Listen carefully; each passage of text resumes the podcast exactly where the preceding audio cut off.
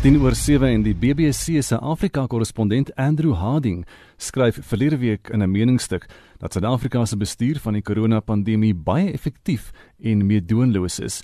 Trouwens, skryf Harding, Pretoria se reaksie op die virus was vinniger as meeste ander lande se. Op tuisfront het ontleeders soos Roland Henwood en Piet Kroukamp ook president Ramaphosa se bestuur van die krisis geprys. Sedert daardie eerste toespraak van die land se leier is reëls egter verslap.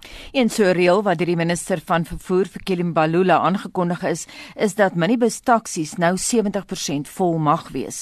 Begrafnisse mag deur meer mense bygewoon word en spaza winkels is weer oop.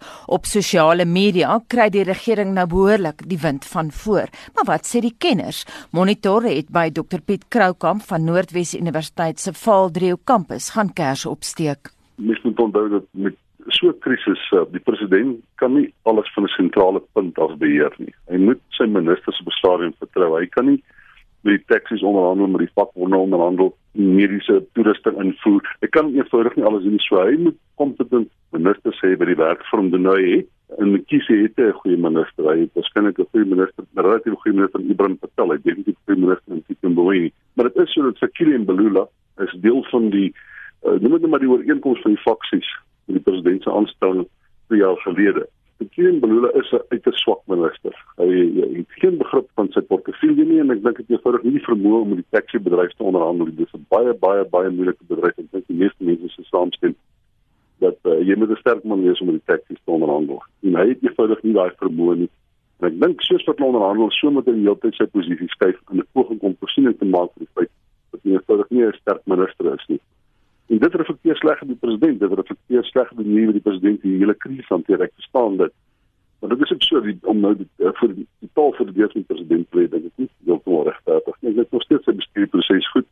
Uh maar dit is nie maklik met ministers, swak ministers soos Helen Beloor, soos met Lindiwe Zulu self te probleem. Ja, daar is verlede week bevestig dat van die maatreëls verslap gaan word soos wat mense voorspel het, maar van die maatreëls het baie luisteraars bekommerd, soos die feit byvoorbeeld dat taksies nou 70% vol kan wees. En weer eens verwys ons hier na uh, Fikiri Mbalula, hoe op aarde gaan mense nou tel hoeveel mense mag in 'n taxi? En daar word gesê ja, mense moet maskers dra, maar op sosiale media sien jy hoe mense in taksies sit sonder maskers. So hoe gaan dit bydra tot die verspreiding van die virus of lei ja, tot die verspreiding van die virus? Ja, die eerste saak op die te slapper die reëls raak moeiliker is dit om eintlik die virus te beheer, maar onthou ons het van die begin af ons daarom ook gesê ons sit ons is nie Taiwan nie en ons is nie Suid-Korea nie. Ons het nie daai gedisciplineerde samelewing nie. En die ander ding wat jy moet onthou is en ek dink het al gesien 10 miljoen mense in Suid-Afrika of minstens 10 waarskynlik al meer, 12 miljoen mense kan net vandag eet as hy gister gewerk het. So daar's ontsaglik baie sosiologiese of sosiale druk op die infrastruktuur om te funksioneer.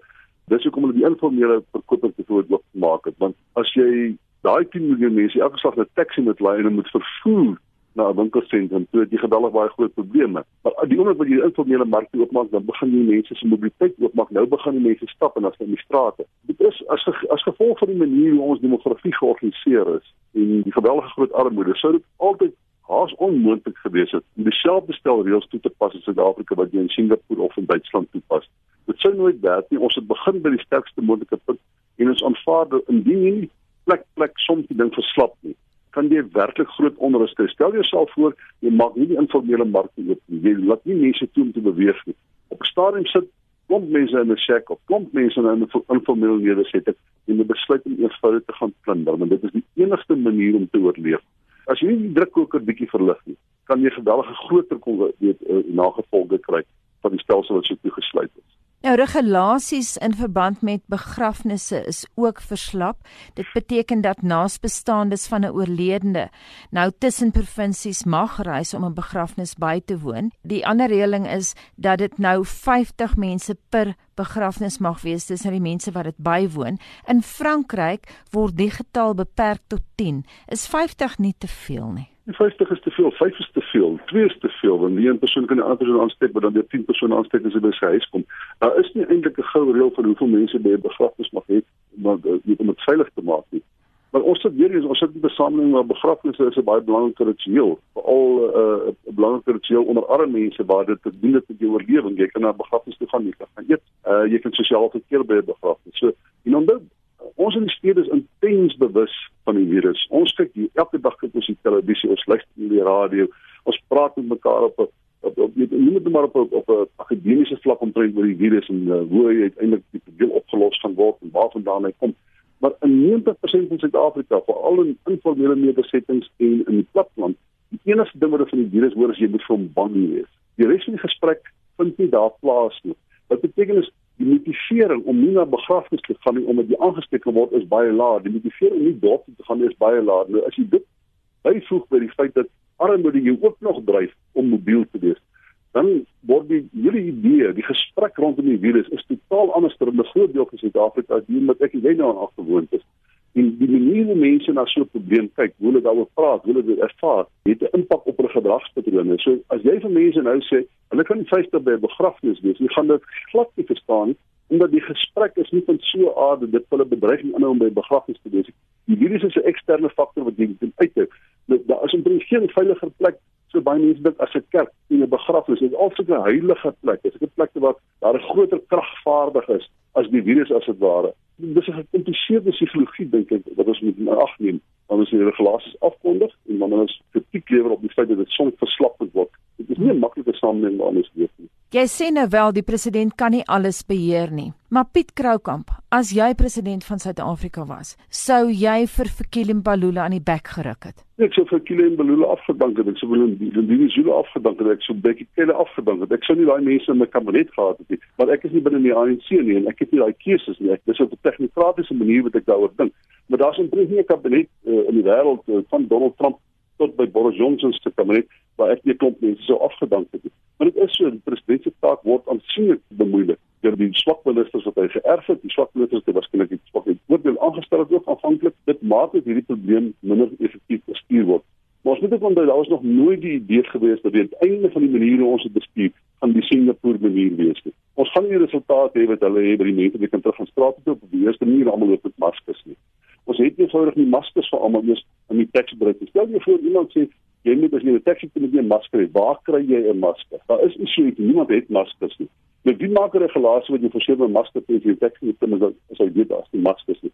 Ons is altyd geweet dat ons nooit hierdie probleem kan bestuur dieselfde manier as in die probleem. Dit eintlik gaan dit al hoe meer gekompliseer word en ons moet net hoop en bid dat uiteindelik om daar 'n uh, vaksin dit is die Franse woord vir 'n vaksin wat die probleem aanspreek. Ons probeer die probleem verlangsaam, stadiger maak, die effek daarvan sodat dit uiteindelik wanneer daai uiteindelik iets kom uh, uh, uh, om om om om die die die, die virus mee te behandel dat ons uiteindelik dan verlos word daarvan. Maar ons sou nie die probleem kan oplos nie. Ons gaan dit ook nie. Die kinders van die jaar skool toe nie, die spite gaan dit oopmaak nie. Groot industrie kan nie weer werk nie en ons ekonomie gaan 'n geweldige knou kry. Tot vroeg, tot sien maar tot vroeg volgende jaar, April, Maart, selfs Mei volgende jaar, sal uiteindelik iets wat ons almal mee ingespuit kan word en die probleem is opgelos ons kan nie die probleem verlangsaam ons kan dit nie oplos nie. Piet jy sê nou ons bestuur die probleem anders as eerste wêreldse lande. Nou baie Europese lande het hulle afsonderingstydperke uitgestel en verleng. Dink jy dit gaan tog wel hier gebeur al bestuur ons ons sake anders? Baie van hierdie ekonomieë het hulle afsonderingstydperke verleng, maar hulle kan dit finansiëel bekostig, fiskaal bekostig, monetêr bekostig in 'n mate dat dit doen hulle ekonomie verlangsaam Hulle gaan dalk selfs in in 'n resessie in, maar ons kan dit eenvoudig nie bekostig nie. Ons ekonomie het werklik die vermoë om oor die rand van die afgrond gedryf te word. Dit is eintlik die faktor wat uiteindelik gaan besluit of ons hierdie afsluiting of ons dit kan verleng en of ons dit gaan ophef op die 15de. En ek hoop net daar is mense wat intelligent genoeg is en ding behoorlik genoeg verstaan om uiteindelik baie baie moeilike besluite te neem in die week van 15 April. Die verskil tussen die ekonomie totaal in die afgrond intrek en op 'n of ander manier die ding bestuur 'n komplekse manier bestuur is die groot verskil. Dink jy ander faktor wat moontlik 'n verskil kan maak is wanneer mense uiteindelik die tegnologie kry om mense te toets op 'n groot skaal.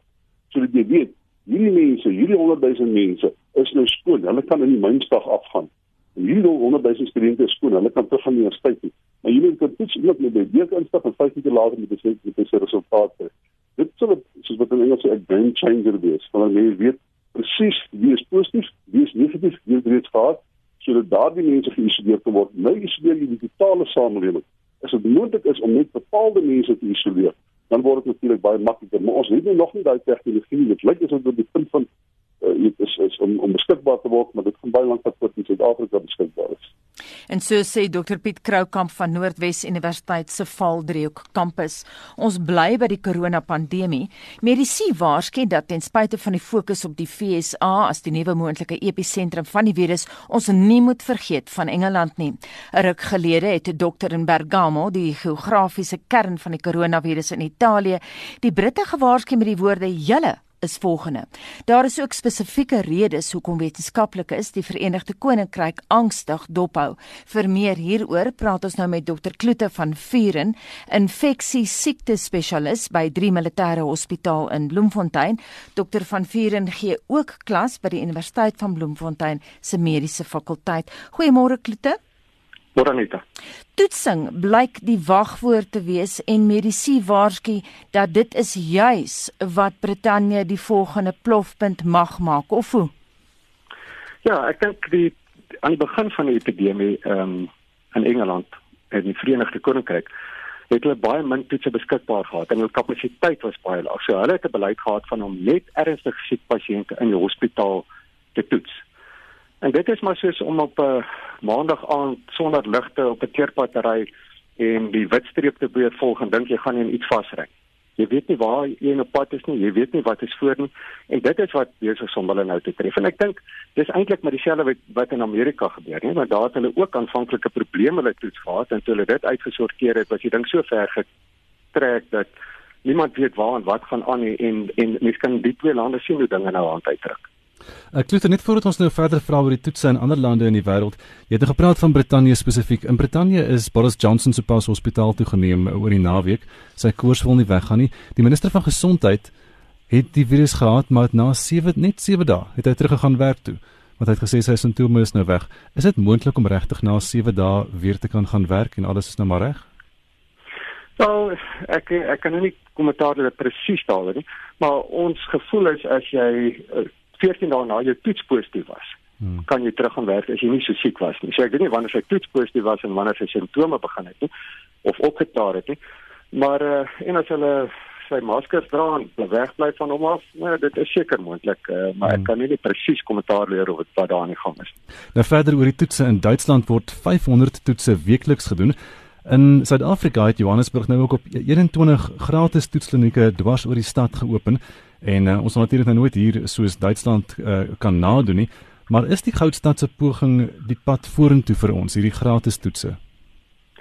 Ja, ja, ek dink jy bedoel 500 000 toetse per week in Duitsland, nee. Hmm, ja. En dit is dis nie hoeveel hulle toets nie, maar dit is wat hulle kan toets en dit ja. is wat Engeland nie kan doen. Maar dit is presies waar een ons moet op pad wees ons kan sien wat die gevolge is as jy nie toets nie. In Engeland het hulle nou 48000 gevalle omtrent waarvan 10% sterftes is en omdat hulle net nie weet wie die ander is nie. Duitsland het in dieselfde tyd gestyg na amper 100000 gevalle toe met 'n 1.5% sterfte syfer want hulle weet waar hulle is. Maar dit bring my by die punt, jy weet, almal fokus en is beheer met een of ander wondermiddel wat ons moet kry en mee moet behandel en ek het slegte nuus, jy weet, as daar so 'n middel was almal gebruik al hierdie goed wat almal aanstuur oor die hele wêreld probeer hulle en dit werk nie. En as dit werk, gaan dit miskien hier en daar vir iemand help en 'n 10% verskil uh, verskil maak. Ja, dit is my amper soos as om aan 'n op 'n patrollie te loop en jy loop aan 'n lokval in en hulle skiet die eerste ou raak en nou los almal alles om hierdie ou se lewe te probeer het en nou word daar nog 'n klomp raak geskiet. Uh. Wat ons hier moet doen is ons moet die vyand soek en vernietig. En dan kan ons later gaan kyk na die gewondes. En dit is om die mense wat die siekte het te diagnoseer en hulle te isoleer, om hulle kontakte op te spoor, te toets en in kwarantyne te plaas. Om almal wat simptome het te toets, te kyk waar versprei die siekte, te fokus op brandpunte. Dit is ons hierdie probleem gaan oplos. Nie deur 3D ventilators te druk, weet in my hande is dit 'n moordwapen. Hmm. Ons moet die siekte gaan opspoor en spuit dan kan ons baie meer mense se lewens red as om in die hospitale op te neem en te kyk of ons dit vir iets kan doen. Ja, daar is wêreldwyd 'n kritieke tekort aan maskers en monster depots, dis nou swabs in Engels. En ek verstaan heel ironies word die huis vervaardig in Bergamo en Wuhan. Is dit so? Ja, dis die dis 'n probleem met ons wêreld vandag, né? Die ekonomie is so geïntegreer. Ehm um, ek het gesien, ek het artikel gekry waar hulle gesê dat die oorgrootste meerderheid van mediese maskers in die wêreld word in Wuhan vervaardig. Ja, nou gaan al hulle word alles by hulle afgegrendel en daar word niks gemaak nie en nou dat almal dit nodig het, is daar tekort. Hierdie debtors, dit lyk dis maar ding wat lyk soos 'n oorstokkie amper, né? Ehm um, dat ons die monster weer vat en laboratorium toe stuur uit iemand se neus of keel uit. En die grootste vervaardig daarvan is in Bergamo. 'n Ander interessante ding is ek praat met uh, uh professor Goethals hier by die laboratorium. Dis sê sy maar hulle is nou gewaarsku dat hulle serologiese toetse vir reagens en serologie is hierdie antiliggaam toetse vir measles en hepatitis, maar daar's 'n klomp ander toetse wat jy ook daarmee doen. Daai reagense kom uit Italië uit en hulle is nou gewaarsku dat die verskaffers nie dit kan voorsien nie en dat daar moontlike tekort mag wees. Ja, en, en dit is die impak van hierdie siekte op 'n wye front op heeltemal plekke wat ons nie eens gedink het dit sal wees nie. Jy het nou geluister na uh, eh, Dr Piet Kroukamp se uitsprake oor die regering se hantering van die virus as as 'n medikus en nie 'n politieke uh, politikus of 'n politieke ontleder nie. Wat dink jy tot dusver van die Ramaphosa administrasie se bestuur van COVID-19 in vergelyking met ander lande ook? Ek hoor daarvan kort is ons het besliste leierskap. En dis nie leierskap wat sit en na 'n paar politieke besluite neem nie. Soos Piet Kroukamp gesê, dis 'n komplekse besluit. Daar's 'n groot klomp mense agter die skerms wat data ontleed kyk na die sekuriteitssituasie, kyk wat besig is om te gebeur, kyk wat in ander lande gebeur en die besluite daar word daarop gebaseer. Ge, ge, en uh, julle sal sien nou dat die kriteria waarop mense getoets word word verslap. Aanvanklik was dit mos nou jy moet 'n bewyse kontak en simptome hê. Daar hierdie siekte versprei nou, nou het die bewyse kontak is weggevat en nou toets hulle almal met simptome. En dis waar hierdie deur tot deur kampanje nou vandaan kom. Die uh, laboratoriums, die staat en die privaat is besig om dramaties hulle vermoë om hierdie toetse te doen te vermeerder. Lucille Bloomberg van die NICD het oor 'n naweek vir ons gesê dis maar push and pull. Meer toetse hulle wil hê, meer kapasiteit skep ons, meer kapasiteit ons skep, hoe meer het hulle nodig. Die die ewige Everest wat voor hulle lê. Hmm. Maar hulle doen dit en uh, ek dink ons het besig om hospitale op groot skaal voor te berei. Ehm um, die publiek word geïnspireer, daar word navorsing gedoen soos ek nog nie my lewe nie gesien het nie uh, projekte wat van stapel gestuur word. So ek moet sê ek is baie beïndruk met die manier wat ons land hierdie ding hanteer. En ek dink ons gaan as 'n land na hierdie bitter pil wat ons moet sluk, waarskynlik heeltemal anders uitkom. As jy pas by ons aangesluit het en wonder met wie ons gesels is Dr Kloete van Vuren, infeksie siekte spesialis by Driemal Hospitaal in Bloemfontein. Kloete, sommige Suid-Afrikaners voel die inperkingstydperk is te lank en boonop blyk ons korona positief getalle onder beheer te wees, maar ons is 2 weke agter of hoe? Ja, agter bedoelende ehm um, as mens kyk na 'n land soos soos Duitsland en Italië, hulle epidemie baie vroeër as ons in begin het. Ek dink die eerste geval in Duitsland is gerapporteer 3 uh, nee, uh, 31 Januarie, Engeland sien ons die 1 Februarie en ons sien waar staan hulle nou. Ons eerste gevalle is hier van van 1 Maart af gerapporteer. So ek meen ons ons kurwe loop julle NT agter en dis hoekom ons kan sê kom ons kyk wat by hulle in die gang is. En dan kan mense vooruitskouing doen as ons niks doen nie, waar gaan ons eindig en as ons iets doen wat die effek daarvan behoort te wees. Dis nou vanoggend rondom 1600 nog steeds baie minder as as wat daar oorspronklik verwag is, né? Nee? Ja, nee, ek dink ons ons het daai aanvanklike die sluiting van die lughawe het daai eksponensiële groei van ons kurwe 'n hele entjie teruggestoot. Ehm um, en nou sit ons met hierdie gemeenskapsverspreiding, maar die afgrendeling was reeds in plek toe dit begin het, so mense sal moet sien wat die effek daarvan is. Het ons 'n idee van hoe groot die persentasie asymptomatiese Suid-Afrikaners in hierdie stadium kan wees na raming? Ja, dit is die probleem nie. Ons weet glad nie. En weer eens moet mens maar ekstrapoleer en sê luister in ander lande waar hulle toets, uh lyk dit so, uh die lang en kort is dit is hoekom die toetskriteria nou verslap word. Dit is hoekom daar van deur tot deur gegaan word. En ek ek meen ons probeer die probleem in Engeland op die oomblik is dat die gesondheidswerkers wat in die hospitale werk in kontak kom met die gevalle. Hulle word aangesteek maar omdat hulle jonk is word hulle nie regtig siek nie, maar dan sal hulle nou soos jy dit nou noem asymptomaties en al skuil hulle so baie virusse af nie omdat hulle nie hulle self isoleer nie as hulle langer met mense in kontak kan word, mense wat inkom hospitaal toe verander goed. En ons weet dit is nou 'n kwesbare populasie, nie die die ouer mense en die sieker mense word hulle in die hospitale aangesteek en dit skep vir hulle 'n reuse probleem. En ek kom weer terug by by my punt aan die begin. As jy blind in hierdie ding inry in die donker ry sonder ligte, soek jy moeilikheid. En ons probeer daai lig skyn op die ding deur so vinnig as moontlik soveel as moontlik toetsing gedoen te kry. Bly ingeskakel en dit geld ook vir jou Dr. Kloete van Vier en ons praat later met jou maar nou eers die hooftrekke. Dis 28 minute voor 8 jy luister na Monitor op RSG en ons praat nou verder met Dr. Kloete van Vier, 'n infeksie siekte spesialist by 3 Militêre Hospitaal in Bloemfontein en hy gee ook klas by die Universiteit van die Vrystaat se Mediese Fakulteit. Klote daar heers verwarring oor wanneer mense 'n draer van COVID-19 kan wees. Wat beteken daai woord 'n draer van 'n siekte? Ja, en ek dink dit is nie heeltemal van toepassing op hierdie COVID-19 nie. Draer beteken mos nou uh jy het 'n uh, kom ek dink aan typhoid Mary in New York wat 'n klomp mense met tyfoid besmet het, sy het die ding gehad, sy het nooit siek geword nie, maar heeltyd voedselwerkers besmet en so 'n epidemie in die Joop veroorsaak. Ek dink in ons konteks praat ons eerder soos julle nou gesê het van asymptomatiese infeksies en dit is vir al ons jong mense en ons kinders. Nee, jy, jy, jy kom in kontak met iemand jy doen die siekte op hulle het so 'n ligte bietjie irritasie in die keel maar hulle word nie regtig siek nie. Hulle kom amper nie eens agter hulle siek nie. Hulle word weer gesond. En ek dink dis die verskil van 'n draer. So hulle word gesond Maar in hierdie proses, omdat hulle besef hulle siek nie, kom hulle in kontak met 'n klomp mense en steek aan. En dit is hoekom ons hierdie afgrendeling het.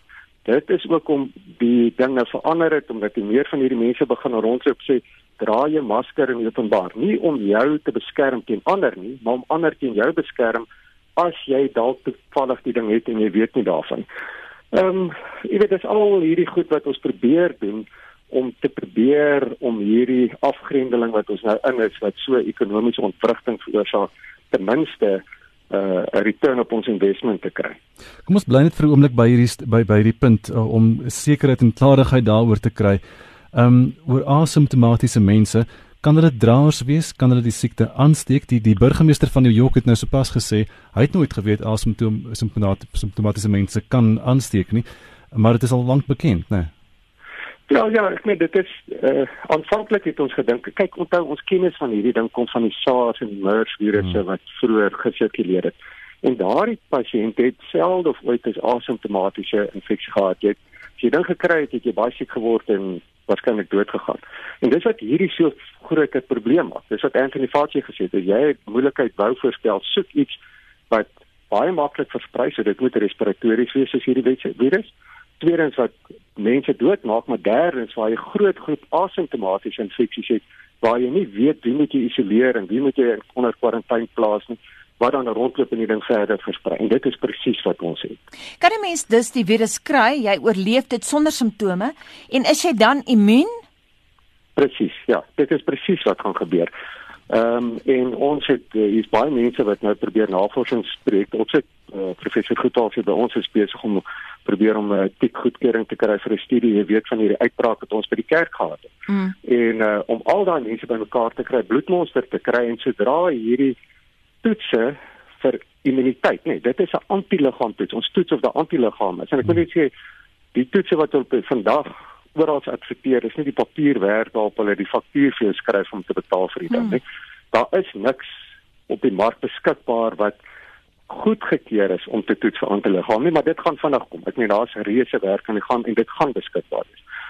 En dan is mens nou al hierdie mense wat by die kerk was kan toets en sê luister, wie het simptome gehad? Wie uh, geen simptome gehad? Wie is positief getoets en wie is negatief? Dus, dan kan mens sien wie het almal antiliggame en dan kan jy uitwerk hoeveel is asymptomaties, maar op die stadium weet ons dit nog. En sal daai sal kom. Sal daai mense dan die sleutel wees tot 'n enstof? Wel, uh, kyk, hulle het dan reeds antiliggame en mens sal weet hoe lyk hierdie antiliggame, wat se tipe antiliggame is, want dit sal natuurlik ook die antiliggame wees wat jy gaan beskerm teen 'n volgende infeksie. En dan kan jy jou enstof so ontwerp dat dit vir jou daardie spesifieke antiliggame gee. En mens sal kan kyk kry hierdie mense wat ingeënt word dieselfde hoeveelheid van hierdie antiloma as jy by die infeksie gehad het en verseker ja, sal dit dan op die ount help om te sien werk jy en stof en gaan dit effektief wees. As jy nog in die inkubasietydperk is, as jy die virus dalk het en hy's nog steeds besig om te inkubeer, gaan jy negatief toets dan in daardie stadium en glip jy dus deur? Ja, ek dink dit is nou waar ons moet onderskei tussen asymptomatiese infeksies en die inkubasietydperk. So inkubasietydperk is vandat jy in kontak gekom het met die virus, hy kom in jou keel in en nou begin hy te vermenigvuldig.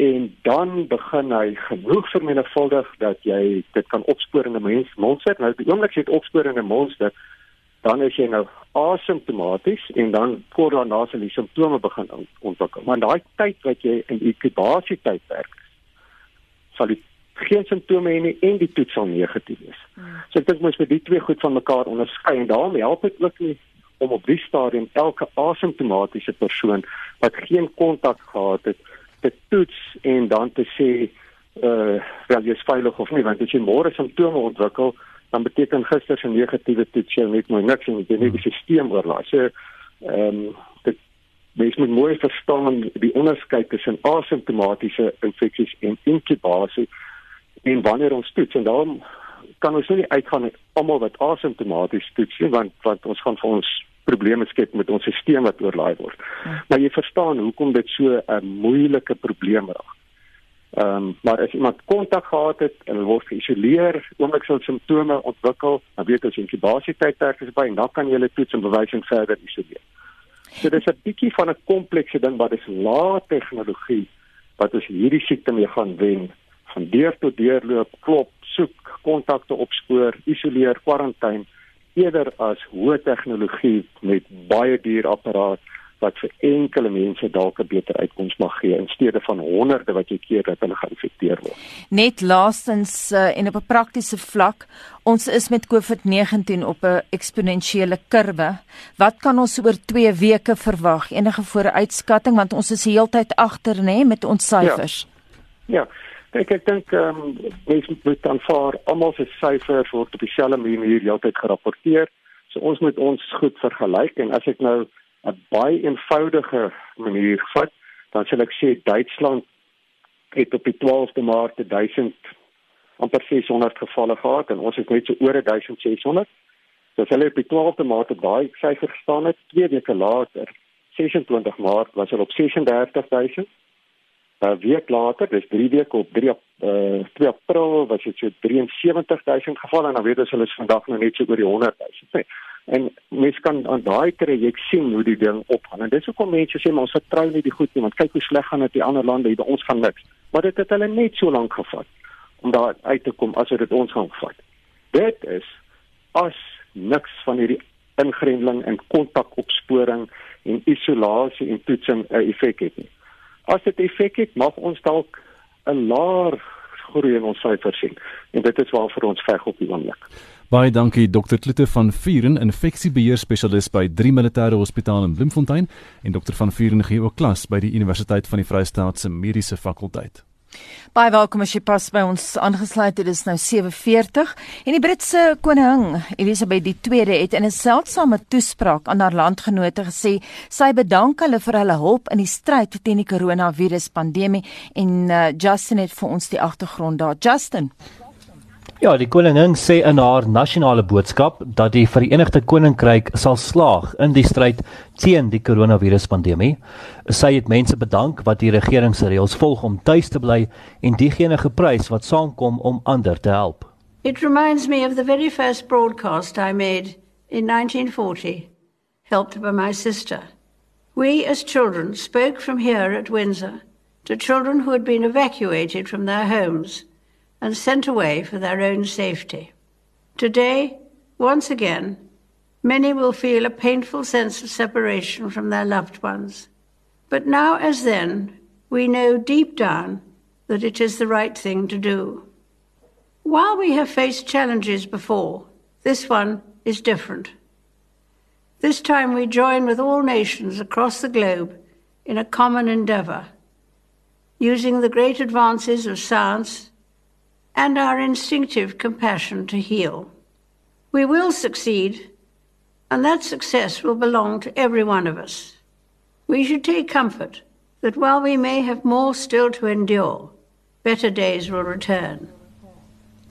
Nou sê hy het veral mediese personeel bedank vir hulle harde werk in die moeilike tye en net minder as 5000 mense in die Verenigde Koninkryk is sover dood aan die COVID-19 virus. Justin ek het nou oor die naweek die eerste foto's van koninklikes gesien met gesigsmaskers en dit was die voormalige keiser en keiserin van Japan, maar ek verstaan die Japaneese gaan na verwagting 'n noodtoestand verklaar rakend COVID-19. Ja, daar word verwag dat dele van Japan in die komende dae 'n noodtoestand sal verklaar, um, volgens die Japaneese media, aangesien die aantal bevestigde infeksies steeds styg ondanks maatreëls om die virus te bekamp. Die premier Shinzo Abe sal na verwagting later vandag die skuif aankondig, hoewel dit nie noodwendig dieselfde dag, byvoorbeeld vandag in werking sal tree nie. Dit sal waarskynlik ook nie vir die hele land wees nie, maar slegs vir groot stede soos Tokyo en Osaka. Nou die besluit sal die regering die mag gee om strenger maatreëls in te stel om mense te vra om tuis te bly of om ondernemings te sluit. Dit sal egter nie aan AB die mag gee om volledige sluitings op te lê soos in China of in sommige Europese lande gesien het nie waar daar swaar boetes is vir die oortreding van die reëls. Nou Japan het meer as 3600 bevestigde infeksies en 85 sterftes gehad en daar is veral kommer vir Tokyo waar die aantal mense met bevestigde infeksies skerp gestyg het en nou op meer as 1000 staan. En dan gaan ons na die suidooste van Frankryk waar 'n terreurondersoek begin word na 'n mesaanval in Romans-sur-Isère. Ja, die Franse polisie sê twee mense is dood en 5 gewond na die mesaanval in die suidooste van Frankryk. Die aanvaller het 'n tabakwinkel naby Grenoble binnegegaan en die eienaars en 'n klant doodgesteek. Hy het toe nog mense by twee ander winkels aangeval voordat hy in hegtenis geneem is. Aanklaer sê die verdagte is 'n Sudanese vlugteling in sy 30er jare wat in die stad gewoon het en nog twee mense is ook in hegtenis geneem volgens die polisie.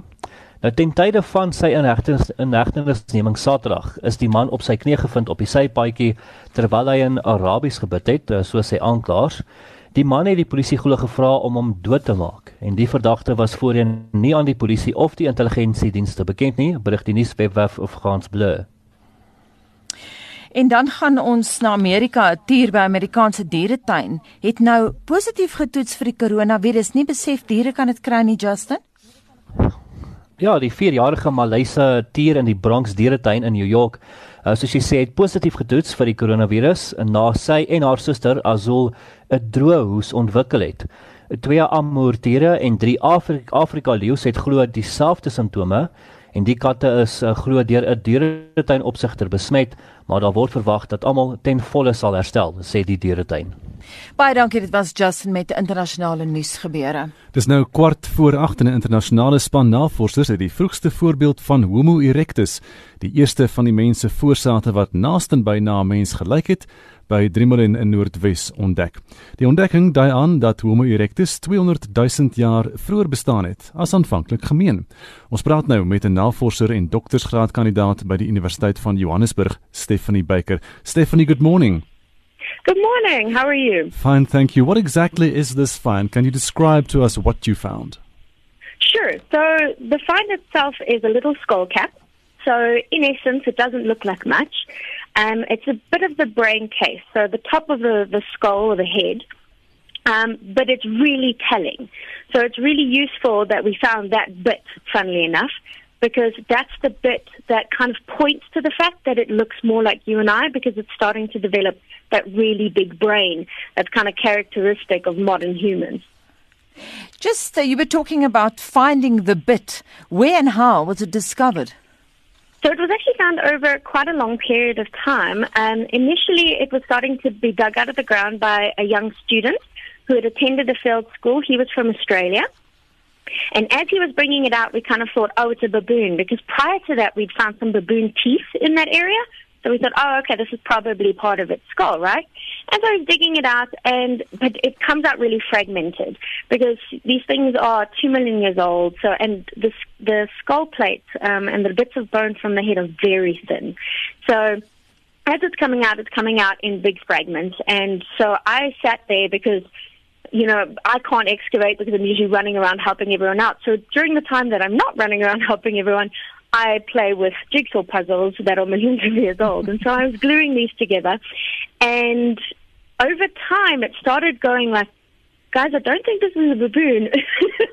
I don't think this is a baboon. It's too thin. It's too round. None of it makes sense. And one night, we had this ah moment. Um, where two larger pieces kind of we found the the Rosetta Stone, so to speak, that one bit mm. that fit in the middle that linked them.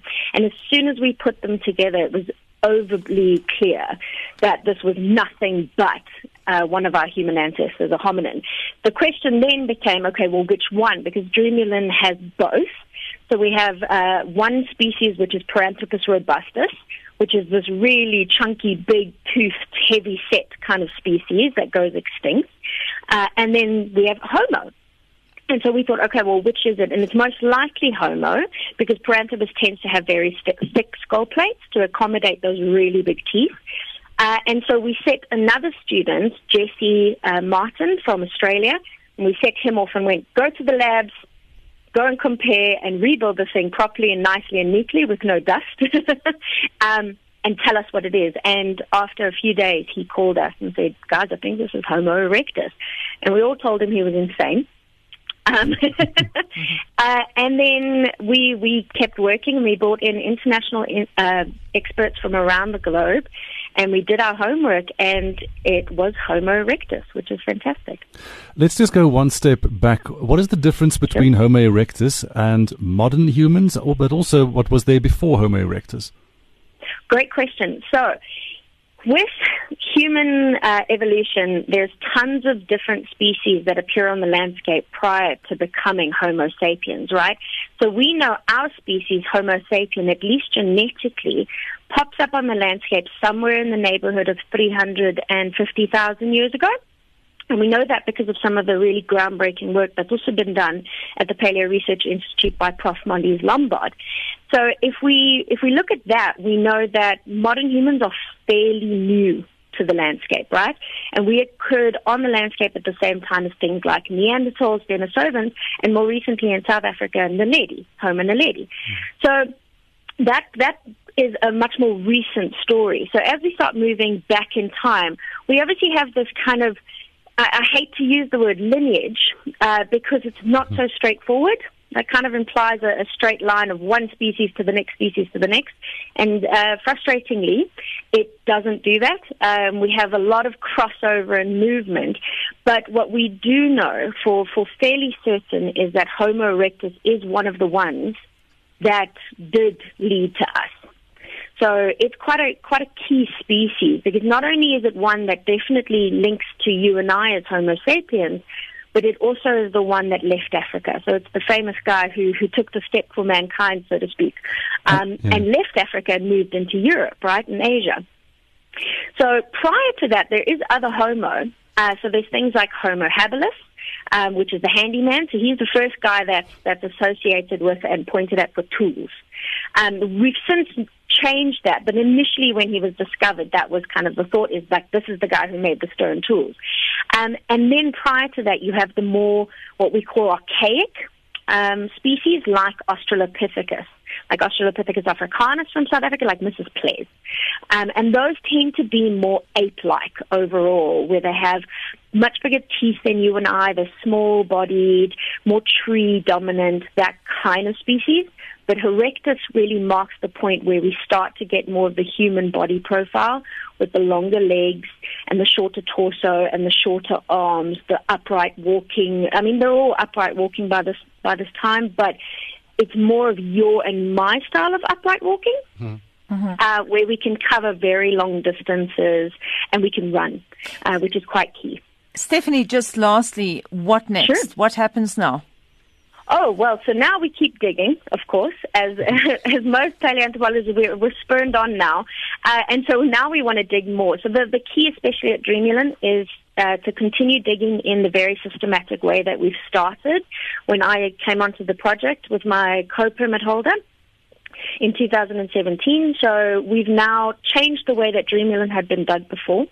So we're going to focus on very key areas in the site that we know are largely undisturbed and are preserving very good fossils. And we can tell that this is obviously working because we've found first uh, both DNH 134 and then also DNH 152, which is the Paranthropus robustus skull that we also published in this article. And the more we dig, the more evidence we find, so we can better secure things like um, the questions behind. Well, does this mean that Homo erectus originated in South Africa? It probably didn't, but the more evidence we get, the, the clearer we can answer that. Um, is this related in somehow to the other Homo we have in South Africa? Or is it related to things like Australopithecus sediba? How does that relationship work? So the more we dig, the more we find, the better we we have, or the better equipped we are, rather, to answer some questions. Frustratingly, more often than not, all it does is give us more questions. At least you sound very positive and very energetic. Uh, congratulations and good luck, Stephanie. Thank dan, you so much. Dit dan 'n navorser en 'n doktorsgraad kandidaat by die Universiteit van Johannesburg, Stephanie Buyke. Dis nou 7 minute voor 8 in die Pakistanse owerheid bestuur die corona-pandemie besonder goed en die kruks is die regering se wye konsultasie met alle groepe in die land. So sê politieke ontleder aan Qaidi Jazim Universiteit in Islamabad se skool vir internasionale verhoudings, professor Ahmed Malik. Uh, Anita het Vrydag met hom gepraat. Religious leaders surprisingly have played a very positive role here because the biggest problem was to prevent people from going to the mosques for the Friday prayers. And uh, they've quoted very scientific explanations in Islam, even from the time of the Prophet Muhammad showing that in such cases what should be done, which is isolation of the disease and preventing further infection.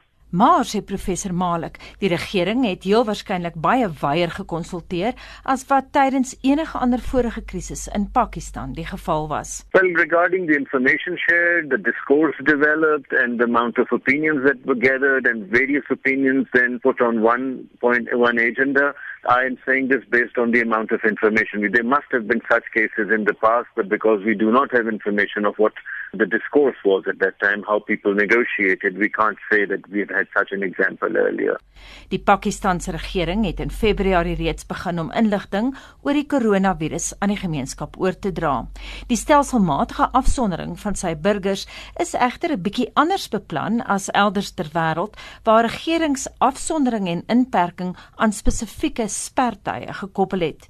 Die eerste afsonderingstydperk het op 18 Maart begin, maar sommige streke soos die Punjab is aanvanklik vrygestel daarvan. Since uh, February we've been hearing about it and uh, Prime Minister's special assistant had been in touch with China and it appeared that they had some view of what China was doing. So now it seems very clear that they from the beginning had started with a combination of the way they thought China dealt with it, which was herd immunity and isolation. So they were monitoring how a case would emerge somewhere and they'll isolate that specific area instead of locking down the whole country. Intussen blyk die COVID-19 virus stadig te versprei in Pakistan. many parts in Pakistan are not under absolute lockdown, but people know that they cannot go out and the way it is spreading. So they are very clear about it. And that has been one of the reasons why it has not attained that level of infection as we saw in Iran or in other parts in Europe. They are quite compliant because they are quite afraid, and the government has done a good job to keep a balance of instilling some amount of fear, precaution, and telling them exactly what this is and how it can be prevented. Pakistan is reg teen Iran geleë en die buurland is een van die episentra van die koronavirus. Daarom is die spesifieke grens vinnig gesluit. Borders with India are not very porous anyway. The border with uh, Iran were locked down. Then people who were here, foreigners who had to go abroad, back to their homes, there were special flights which were arranged to take those people back. And many flights were arranged for Pakistanis who were stranded abroad to be brought back. The only problem we're seeing now is a few British nationals of Pakistani origin who Pakistan wishes that if the British government wants to take them back, they should go, but the British government is not sending planes to take them back. And that has started a huge amount of uh, reaction among the Pakistani origin British community in the United Kingdom. Ook anders as in die res van die wêreld, werk min burgers van Pakistan tuis. No, we haven't had a lot of that. There have been talk about people being given programs to work from home. Many of people in the education industry, in my department as well, have been talking about this, that we are going to start this virtual learning, but we haven't had much at all till now because we are not very well advanced in IT and science and technology and obviously energy. So there's a lot of burden on the electricity itself. So, mm, so that social media networking and about working from home, that is not so.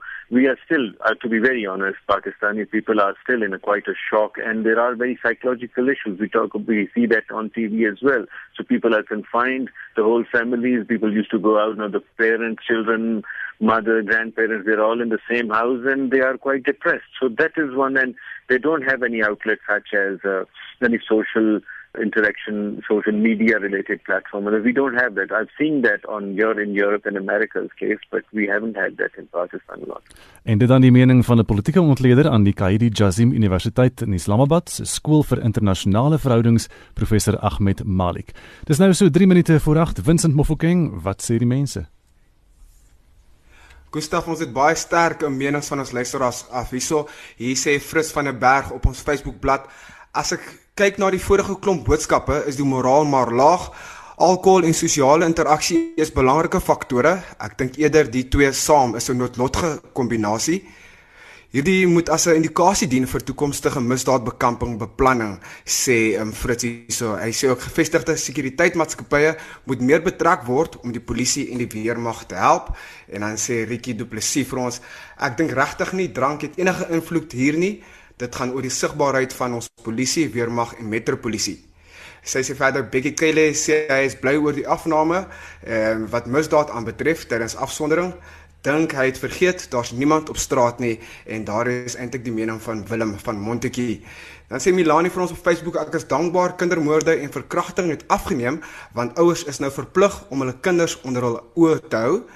En dan sê Kali Baans vir ons wys my een dronk inbreker Wys my 'n dronk in transitorower. Wys my een dronk voertuigkaper. 'n Misdadiger sal nooit sy aksies uitvoer terwyl hy onder invloed is nie. Dronk misdadigers is maar gewoonlik die wat geslagsbaseerde en sulke tipe misdadighede uitvoer en dit is wat van ons menings was vanoggend hierso. Dankie dat julle almal saamgesels het. Gustaf Nou die laaste woord is nie gaan nie vir oggend uh, aan aan jou nie, maar dit gaan aan Justin want hy gaan vir ons vertel waarop Spectrum gaan fokus vanmiddag. Justin, jy die vloer. Ja, die Stellenbosch munisipaliteit het begin met 'n ontsmettingsprogram vir openbare ruimtes om die verspreiding van COVID-19 te beperk. Ons vind uit hoeveel Suid-Afrikaners die afsonderingsregulasies die afgelope naweek oortree het en die Wes-Kaapse regering begin om gemeenskappe te toets vir COVID-19 in gebiede soos Bishop Lywes en Mqobeni in die Parel. En dit was dan monitor met waarnemende uitvoerende regisseur Wessel Pretorius, ons redakteur vanmôre Hendrik Martin, produksieregisseur Daitrin Godfrey. Bly geskakel by RSG want Lenet Fransis Puren is volgende met praat saam. Ek is Gustaf Greiling en my naam is Anita Visser.